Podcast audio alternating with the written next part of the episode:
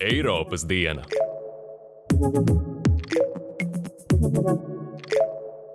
Sveicināti Eiropas dienā! Es esmu Andris Kākluvalks, un šodien pievērsīsim pastiprinātu uzmanību divām ar Eiropas Savienību saistītām tēmām. Runāsim par Eiropas Savienības politiku un tās signāliem. Vienā no tematiem pievērsīsimies Eiropas parlamenta nu pat apstiprinātajam budžetam Globālās Eiropas fondam turpmākajiem septiņiem gadiem - gandrīz 80 miljārdu eiro apmērā. Visnotaļ grandiozais fonds paredzēts Eiropas Savienības sadarbības stiprināšanai ar attīstības valstīm un geogrāfiski tuvākiem reģioniem. Diemžēl globālā Eiropa nav tā pati ģeopolitiski jaudīgā Eiropa, kādu solīja Eiropas komisija, tostarp bloka augstais pārstāvs ārlietās Žozefs Borels. Lai izvairītos no kļūšanas par zaudētājiem mūsdienu ASV Ķīnas sacensībā, mums ir no jauna jāapgūst spēku valoda un pašiem jāpieņem Eiropa par vienu no svarīgākajiem ģeostrateģiskajiem spēlētājiem.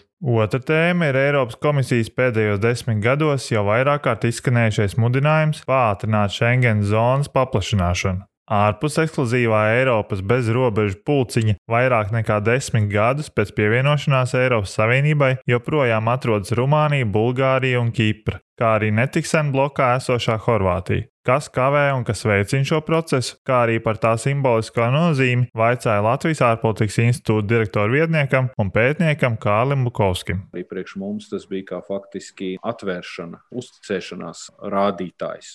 Un mēs to tā arī uztvērām, ka mēs tomēr esam izdarījuši savu darbu un ka mums ir uzņēmuši, un ka tas iespējams ka cilvēkam, kas ikdienā ar politiku nenodarbojās, ar biznesu nenodarbojās, bet nu, tīri ceļot vēlās doties vēlās, nu, viņam tas bija simboliski arī radīja sajūtu. Tieši tas pats stāsts ir arī par šīm četrām valstīm.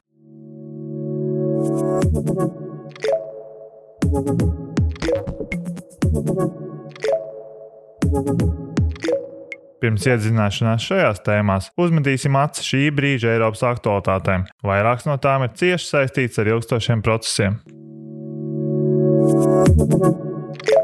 Austrijas iekšlietu ministrs pagājušajā nedēļā pauda atbalstu Dānijai par tās pieņemtajām un Eiropas Savienības institūciju un nevalstisko organizāciju kritizētajām likuma izmaiņām attiecībā uz patvērumu meklētājiem. Dāņu parlaments atbalstīja ideju patvērumu pieteicējus pārvest uz kādu pagaidām nenoteiktu partneru valsti ārpus Eiropas Savienības. Austrijas iekšlietu ministrs Karls Nehammers to jau nodēvējis par pārliecinošu pieeju migrācijas problēmu risināšanai.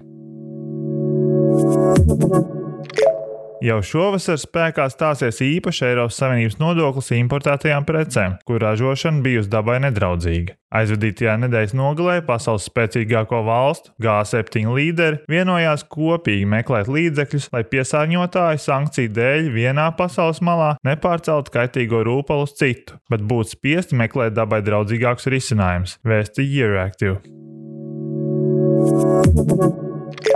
Eiropas parlamenta deputāti pagājušajā nedēļā balsojumā pievienojās Eiropas Savienības pilsoņu iniciatīvai pilnībā aizliegt sprostos un krātiņos audzēt mājdzīvniekus, kā arī piespiedu zos un pīļu barošanas praksi. Tagad Eiropas komisijai jārēģē, piedāvājot likumu izmaiņas šajā jomā.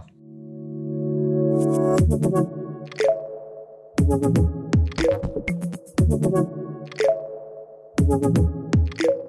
Nu pat apstiprinātais globālās Eiropas fonds tekošajā septiņu gadu periodā attīstības valstīm, kā arī geogrāfiski tuvajiem Eiropas reģioniem un kandidātu valstīm atvēlēs iespaidīgus 79,5 miljardus eiro. Fonds pamatot tiek pielīdzināts Eiropas Savienības maigajai varai. Protams, pīrādziņa nav bezmaksas, bet dvēseli par tiem arī netiek prasīta. Tiek uzsvērts, ka līdzekļu sadalē, kas dažādās formās un pa dažādiem kanāliem tiks novirzīti attīstības un citiem projektiem, primāri tiks ņemts vērā, vai to izlietojums veicina demokrātiju, cilvēktiesību ievērošanu, vienlīdzību un citas Eiropas Savienībā svarīgas vērtības, vai arī risina globālas problēmas. Pastāv cerība, ka investīcija meklētājs vērsīsies pie Eiropas Savienības un apņemsies ievērot šos principus, ne pie kāda cita donora, kuru līgumos smalkajā drukā ir nepatīkamāk apakšpunkti. Tomēr globālās Eiropas programma, lai arī ar pozitīvu potenciālu, nav tā pati ģeopolitiskā Eiropa, kādu jau ilgstoši sagaida Eiropieši un piesauc Eiropas komisija. Kad Eiropas komisijas prezidenta Urzula Fonderlaina 2019. gada 1. novembrī stājās amatā, viņa Eiropai iezīmēja jaunu kursu. Patiesībā jaunumu bija vairāk. Gan dzimuma vienlīdzīga komisāra kolēģija, gan nospraustais kurs zaļā, digitālā un sociāli iekļaujošā un Eiropas Savienības ģeopolitisko nozīmi stiprinošā virzienā. Tāpat solītā dēļ izpelnījās ģeopolitiskās komisijas vārdu. Tomēr kopš pirmās dienas tās ģeopolitiskais tvērums ir skarbi kritizēts. Uzrunājot Eiropas parlamentu, Fonderleina vēl pirms sava apstiprinājuma amatā paziņoja: Here, the world is calling for more Europe. Pasaule sauc pēc vairāk Eiropas. Pasaulē ir nepieciešams vairāk Eiropas. Es ticu, ka Eiropai pasaulē nepieciešams daudz stingrāk un vienotāk balss, un tai ir jārēģē strauji. Un tādēļ mums nepieciešama drosme pieņemt ārpolitikas lēmumus ar kvalificētā vairākuma atbalstu un būt vienotiem to atbalstā. Tie skaļi vārdi. No aptuveni pusstundu garās uzrunas par savas kolēģijas prioritātēm Eiropas Savienības ārpolitikai gan tika veltīts tikai šīs nepilnas 30 sekundes. Tiesa, pēc debatēm, kurās viņu kritizēja ilgadējais Eiroparlamentārietis un Brexit seja Nigels Farāšs, Fonderleina vēlreiz uzsvēra Eiropas spēka, tostarp īpašās Eiropeiskās maigās varas nozīmi. Tas ir tas, kas, manuprāt, Eiropā ir skaisti, ka Eiropas valstis sanāk kopā pēc brīvprātības principa. Neviens tās nespiež sanākt kopā. Visas bloka valstis zina, ka spēks ir vienotībā. Kopā strādājot, mēs varam aizstāvēt vērtības, kuras ir tuvas mūsu visu sirdīm un kas mums ir savadušas kopā. Lielie izaicinājumi, ar kuriem saskaramies, ir tik milzīgi, ka neviena valsts viena pati nespēja tiem stāvēt pretī. Tikai sastrādājoties, mēs varam attīstīt spēku, unikālu eiropeisko maigo varu, kam pašā pamatā ir mūsu vērtības. Tas ir mūsu spēka pamats. Tas ir iemesls, kāpēc mēs varam runāt par optimistisku nākotni. Tāpēc ir svarīgi mūsu spēku izmantot gaišākas nākotnes veidošanai. Lējens izvēle nominēt Žuzepu Borelu Eiropas Savienības ārlietu ministra amatam, jeb augstā pārstāvja ārlietās un drošības jautājumos postenim, tika pieņemta ar atzinīgiem komentāriem. Pieredzējušais diplomāts pats neilgi pēc stāšanās amatā Project Syndicate publicētā viedokļa rakstā paziņoja, ka Eiropai no jauna jāmācās spēka valoda. Viņš uzsvēra. Eiropas Savienībai ir jāatrod savs ceļš pasaulē, kuru aizvien vairāk diktē skarba spēka politika. Mums, Eiropiešiem, jāpielāgo savas mentālās kartes, lai attiektos pret pasauli, kāda tā ir, ne tādu, par kādu mēs cerējām, ka tā kļūs. Šī ir ģeostrateģiskā sacensības pasaule, kurā dažiem līderiem nav nekādu aizturu lietot spēku, bet ekonomiskie un citi instrumenti tiek padarīti par ieročiem. Lai izvairītos no kļūšanas par zaudētājiem mūsdienu ASV Ķīnas sacensībā, mums ir no jauna jāapgūst spēka valoda un pašiem jāpieņem Eiropa par vienu no svarīgākajiem ģeostrateģiskajiem spēlētājiem. Borels arī piekrita Lējens teiktajam, ka Eiropas Savienībai vienotas ārpolitikas veidošanai jāatsakās no absolūtās vienprātības kārtības, kurā vienas valsts veto aptur visus pūliņus. Spāņu politiķis rakstīja. Ticēt, ka Lībija un Sahela reģions ir svarīgs tikai vidusjūras valstīm, ir tikpat absurdi, kā domāt, ka Baltijas valsts drošība satrauc tikai Austrumēropu. Eiropas Savienības ārpolitikas plāniem jau pēc mēneša smaga pārbaudījuma deva pandēmija. Tās ietekmē jaunā daudzgadu budžetā vēl redzamāk iezīmējās zaļās, digitālās un sociāli iekļaujošās politikas motīvi, tikmēr bloka ārpolitikā redzama uzlabojuma izpalika. Komisijas pirmā vizīte Āfrikas Savienības centrālajā mītnē Etiopijā tika uzņemta vēsi. Turklāt Eiropas Savienība Borela personā joprojām kavējās ar stingru un galvenais strauju atbildi uz dažādiem izaicinājumiem. Tā vietā dažādās situācijās individuāls valsts turpināja uzņemties iniciatīvu gadījumos, kad lieta būtu noderējusi vienota Eiropas Savienības nostāja. Piemēram, netrūkst. Francijas līderis bija redzamākā balss konfliktos ar Turciju, gan par jūras robežām vidusjūras austrumos, gan otrā Kalnu Karabahas kara laikā. Zviedrija un citas Eiropas valstis individuāli pretstāvēja Ķīnai. Vācija savukārt gan izvienpusēji pastāvēja uz Nord Stream 2 pabeigšanu. Turklāt šo pavasaru Borels viesojās Maskavā laikā, kad Krievijas pilsētās ielās iznāca tūkstošiem opozīcijas atbalstītāji. Viņi protestēja pret Vladimira Putina režīmu vēršanos pret redzamāko Kremļa kritiķi - Aleksēju Navainī, bet Eiropas Savienības augstais pārstāvs ārlietās ne apmeklēja Navainī, ne nosodīja vardarbīgo protestu apspiešanu un pat nepieminēja trīs Eiropas Savienības dalībvalstu diplomātu izraidīšanu par dalību šajos protestos, kas notika neilgi pirms viņš kopā ar Lavrovu sniedz draudzīgas atbildes preses konferencē. Kopš tā laika Eiropas Savienība ir izvirzījusi sankcijas Krievijai, strauji reaģējusi uz notiekošo Baltkrievijā un Malī, tomēr kopumā solītā ģeopolitiskās Eiropas ieviešana dzīvē daudziem likus vilties. Iespējams, tas arī ir viens no iemesliem, kādēļ Vācijas ārlietu ministrs pagājušajā nedēļā atkārtoja Fonderlejas un Boreli iepriekš izteikto aicinājumu atteikties no dalībvalstu veto tiesībām ārpolitikas politikas veidošanā, lai beidzot piešķirt Eiropai tik gaidīto straujumu.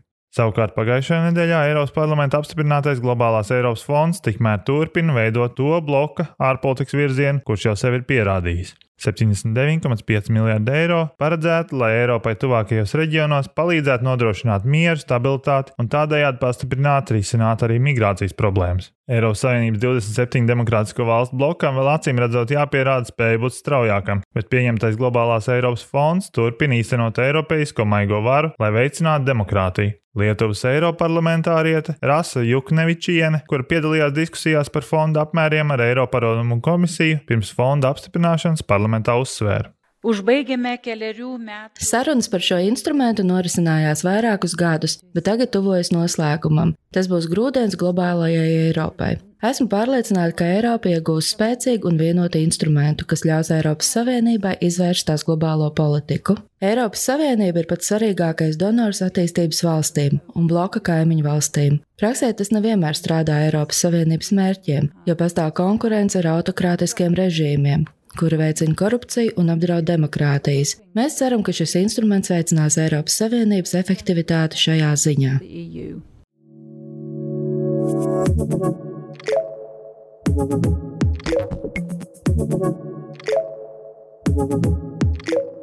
Eiropas komisija izteikusi iecer vēl vairāk stiprināt Schengen zonu. Cits starpā izskanējis pamudinājums Schengenā iekļaut Eiropas Savienības valsts, kuras līdz šim dažādu iemeslu dēļ palikuši ārpus bloka.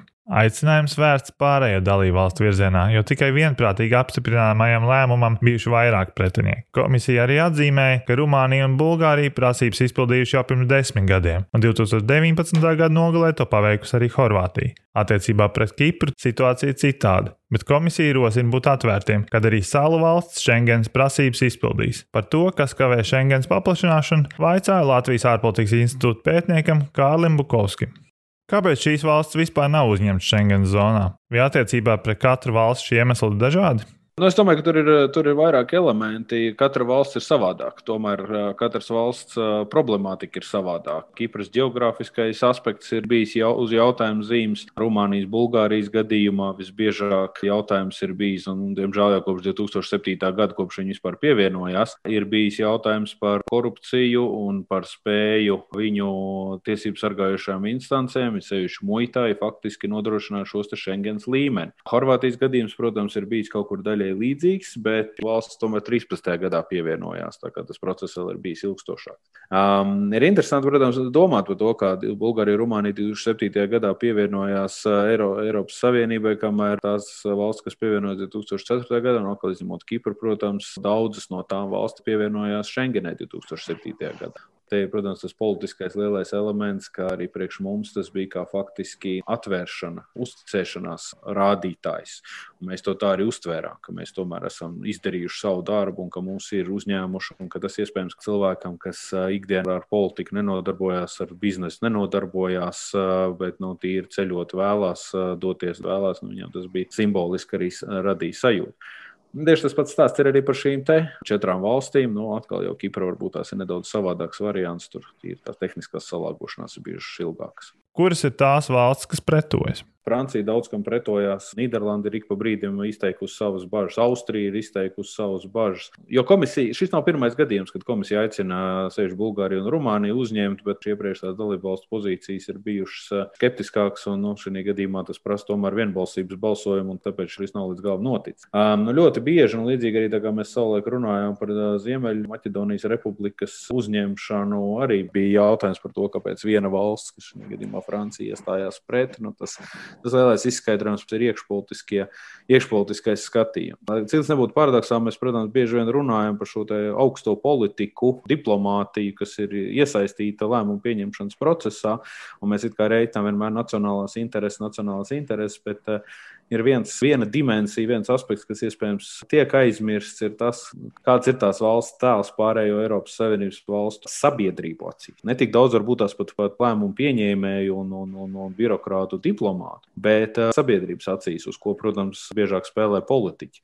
Un, ja tas sentiments ir tāds, ka nu, tā valsts nespēja būt vienlīdzīga un tikt galā pat ar savām iekšējām problēmām, tad attiecīgi arī nu, nav ticības, ka atverot vārdu vārtus vai atverot durvis brīvai kustībai šurpu turpu, ka, ka tu jutīsies drošībā. Nu, protams, mēs zinām, ka pat valstu nebūšana Schengenā vēl nemaz nenozīmē, ka tā kustība nevar notikties. Tas vienkārši ir, nu, ir papildus pārbaudas, ir papildus apgrūtinājumi. Bet faktiski uzņemšana Schengenā ir tāds piemērs tam, ka gan ne tikai politiskais līmenis un diplomātskais līmenis uzticās, bet arī sabiedrības uzticās. Minēja, ka Eiropas komisija vairāk kārt ir mudinājusi pātrināt šo valstu, īpaši Rumānijas un Bulgārijas uzņemšanu. Komisija nav atrauc mehānisms. Kurš tad ir tās valsts, kas to mudina? Nu, redz, Rumānijas gadījumā pavisam ir īpatnība, ka, ka, protams, viņu attiecības ar Moldovu, tas, ka faktiski tā brīvā personu kustība, kas ir starp, Moldovu un Rumāniju, ikdienas darba spēka izskatā, ka tas ir viens no jautājumiem, kas ir dienas kārtībā. Un te ir stāsts par to, ka vai Rumānija esot Schengenā spējas nodrošināt šos Schengens nosacījumus, ka nebūs tā, ka nu, mēs tagad sākam doties tālāk ka tā robeža ir jābūt. Tāpēc nu, šis, šis būs izaicinājums, kas būs, kas būs klātesošs.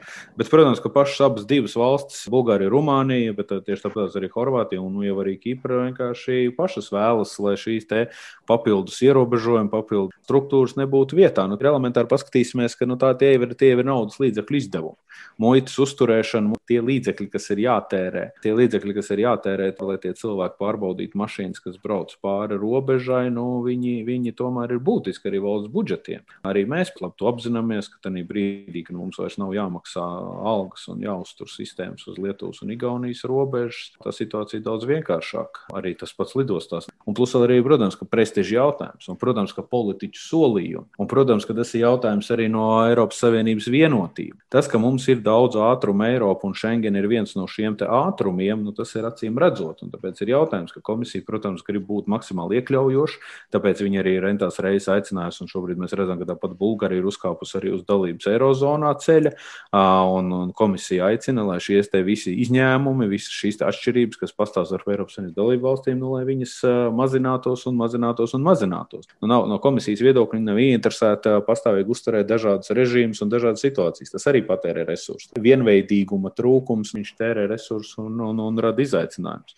Jo ilgāk ir Bulgārijas un Rumānijas atkal turēšana ārpus, ārpus Eiropas Savienības kodola apļiem, ja mēs tā varam izteikties, tas arī veicina cilvēku neapmierinātību, neticību pašiem sev un, un neapmierinātību ar Eiropas Savienību. Kāda Eiropas Savienībai būtu tūlītā ieguvuma no Schengens paplašināšanas? lētāka uzņēmējdarbība un aktīvāka uzņēmējdarbība, respektīvi, turisms kaut kādā ir elements. Tā ir pirmā lieta, kas palielinās no cilvēkiem. Cilvēkiem šajā gadījumā tā pārvietošanās, pārrobežu sadarbība, kas ir pie pašiem reģioniem, faktiski jau tas ir formalitāšu izzušana. Pievienošanās Schengenai ir gan politiski nozīmīgs aspekts, gan arī vienlaicīgi arī no praktiskā viedokļa. Nu, tev ir mazākas problēmas. Nu, līdzīgi kā Amerikas Savienoto Valstu starp štatiem. Nu, tie ir tas pats stāsts, ka, ka vienkārši brīva ceļošana šurp turp, tas, ka arī šeit var faktiski ieviest robežu kontroli starp štatiem. Tāpat reizēm arī dara, vai noziedznieku gadījumā, vai Covid gadījumā, ka tomēr nu, tiek kaut kādas pārbaudas ieviest. Nu, tas jau ir klātesošs elements. Un Schengens gadījumā jau ir tas pats, ka uz īslaicīgu termiņu jau var ieviest. Vēl mums jāņem vērā arī Bulgārijas, un Horvātijas un, un Kipras, ir sevišķi Kipras un arī, arī Rumānijas ieguldījums arī migrācijas jautājumu risināšanā. Nu, faktiski viņas tomēr ir bijušas Eiropas Savienības, Eiropas komisijas pozīcijā. Vairāk un faktiski ir uzņēmuši diezgan lielu triecienu. Tie ceļi, kas veda cauri to pašu Bulgāriju, nu, arī parādīja, ka no nu, Schengen, ne Schengen, Schengen tāda formalitāte vien ir. Kā izskanējis politiskajā telpā, vai šīs valsts jūtas atsevišķināti ārpus Schengens? Protams, tas jau arī atkal ir Te ir divi viedokļi. Viens, ka mūsu iedzīvotāji redz viņus kā tādu cilvēku, ko vajadzētu uzliekt uz puses. Arī, arī to valstu iedzīvotāji redz sevi kā nu, otrās, trešās šķiras, šķiras pilsoņi Eiropas Savienības ietvaros. Eiropas Savienība iekļaujoši, iekļaujoši, mēs visi par vienlīdzību un visi ir vienādi un vienlaicīgi. Nē, nu, līdz šim tas stāsts ir bijis par to, ka valsts paša nebija līdz galam politiski gatavs vai, vai nebija, nevarēja izpildīt kritērijus, iekšpolitiskās problēmas atrisināt. Bet tagad, principā, arī komisijas vairāk vairāk kārt jau aicinājumu parāda to, ka tas ir politiska problēma. Un šis jau jautājums tiek pacelts politiskā līmenī. Tāpēc signāli, kuriem ir jānāk līdz ar Schengen zonas paplašināšanos, viņi ir būtiski. It kā mēs esam Eiropas Savienībā, mēs gandrīz 14 jau esam, jau tur būs 15 gadi, un mēs vēl joprojām tā kā neesam pievienoti. Te ir arī jautājums par bezvīzu režīmiem ar veselu kaudzi citām valstīm pasaulē. Protams, ka tā Schengen ir brands, ir zināma, Schengen standarti un prasības ir zināmas.